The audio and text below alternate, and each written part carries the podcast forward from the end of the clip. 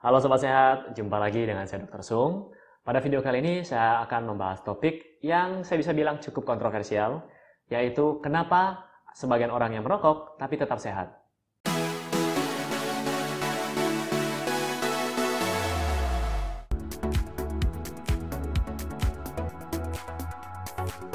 Ya, Sobat Sehat, kita tahu bahwa selama ini Digadang-gadang bahwa rokok dapat menyebabkan penyakit impotensi, gangguan janin dan kehamilan, penyakit jantung, hipertensi, dan sebagainya. Tapi kenapa kok ada yang merokok tetap sehat?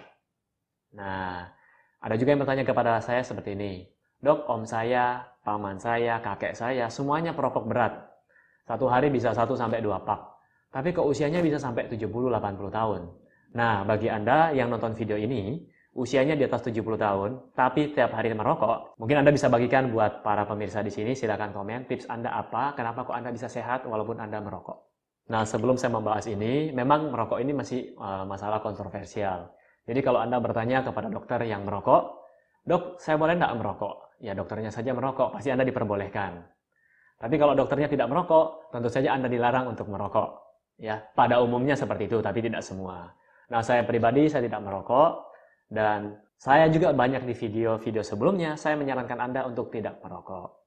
Tapi bagaimana dok, saya kalau tidak merokok, saya stres, saya pusing, dan sebagainya.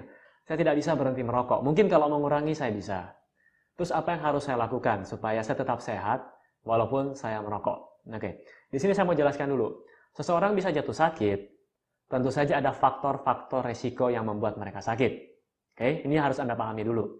Jadi faktor-faktor resiko yang bisa membuat Anda sakit bukan cuma satu, rokok, tapi masih banyak yang lain.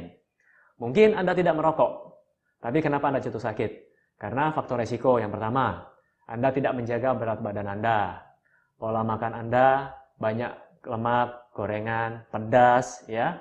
Kemudian pola tidur Anda, Anda sering begadang. Anda stres kerjaan, ya. Mungkin masalah di rumah, istri, anak, dan sebagainya. Anda stres terlalu berat, kurang rekreasi. Kemudian polusi udara, Mungkin Anda tinggal di kota besar, industri, banyak pabrik di sana, ya. Kemudian Anda kurang berolahraga. Jadi faktor untuk membuat Anda sakit itu banyak, bukan cuma rokok. Tapi yang selalu disalahkan adalah rokok. Ya, saya bukan membela rokok ya, loh ya. Tapi saya hanya memberikan fakta bahwa banyak faktor yang dapat menyebabkan Anda sakit. Lalu kenapa mereka yang merokok kok bisa umurnya panjang? Nah, mungkin mereka hanya melanggar salah satu atau salah dua di antara beberapa faktor tersebut. Saya punya teman, usianya sudah separuh, sudah paruh bayah ya, sudah sekitar 50 tahun. Nah, beliau memang aktif merokok, ya, tapi beliau setiap harinya beliau melakukan olahraga minimal lari 3 kilo. Dan bahkan beliau ikut olahraga maraton dan triathlon. Kita bisa bayangkan seorang perokok tapi masih aktif melakukan olahraga, makan makanan yang bergizi, dan bahkan beliau masih bisa mengikuti triathlon. Itu olahraga yang tidak mudah menurut saya. Ya, bahkan Anda yang usia 20 tahun pun belum tentu Anda bisa melakukan olahraga ini. Nah, jadi apa rahasianya? Beliau mengatakan, ya memang saya tidak bisa berhenti rokok. Tapi paling tidak saat saya mau mengikuti maraton, saya berhenti dulu rokoknya sebentar. Jadi dia memfokuskan dirinya untuk olahraga tersebut. Dan ketika olahraga tersebut sudah selesai, beliau merokok lagi. Dan tentu saja jumlah rokok per hari yang Anda konsumsi ini juga mempengaruhi kesehatan Anda. Mungkin saat Anda stres, Anda ngerokok, stres Anda berkurang, ya. Tapi kalau Anda stres dengan dalil stres, ya, kemudian Anda merokok satu hari bisa 4 pak, 5 pak, kayak kereta api, tidak berhenti.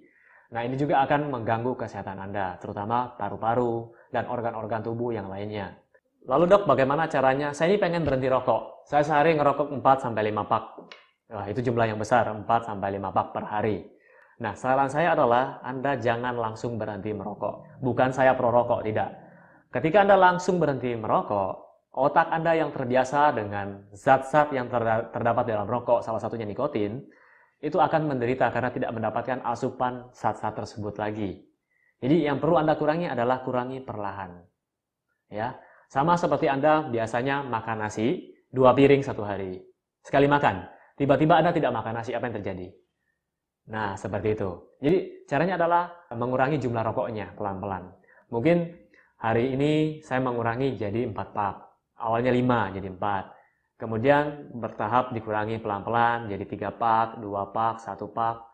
Kemudian dikurangi lama-lama, Anda bisa berhenti total. Ya, dan itu perlu ada kemauan dari diri Anda. Tidak bisa cuma di mulut, ya saya mau berhenti rokok, tidak bisa. Kadang saya guyon dengan pasien, Pak, saya dari praktekan, saya kasih bonus Pak ya, lakban untuk ditempelin. saya cuma bercanda ya. Jadi bagi Anda yang pengen uh, berhenti merokok, Lakukanlah tadi tips dari saya. Dan juga satu, alihkan perhatian Anda ketika Anda mungkin stres atau ada masalah. Daripada Anda merokok, Anda coba lakukan kegiatan-kegiatan yang lain.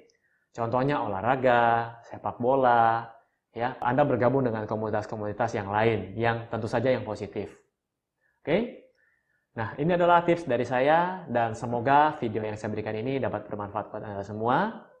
Sekali lagi, saya tidak di-endorse atau saya tidak mempromosikan rokok, ya. Bagi Anda yang menyukai video ini, silahkan klik like, subscribe, dan share pada teman-teman Anda. Sampai jumpa di video saya selanjutnya. Salam hebat luar biasa.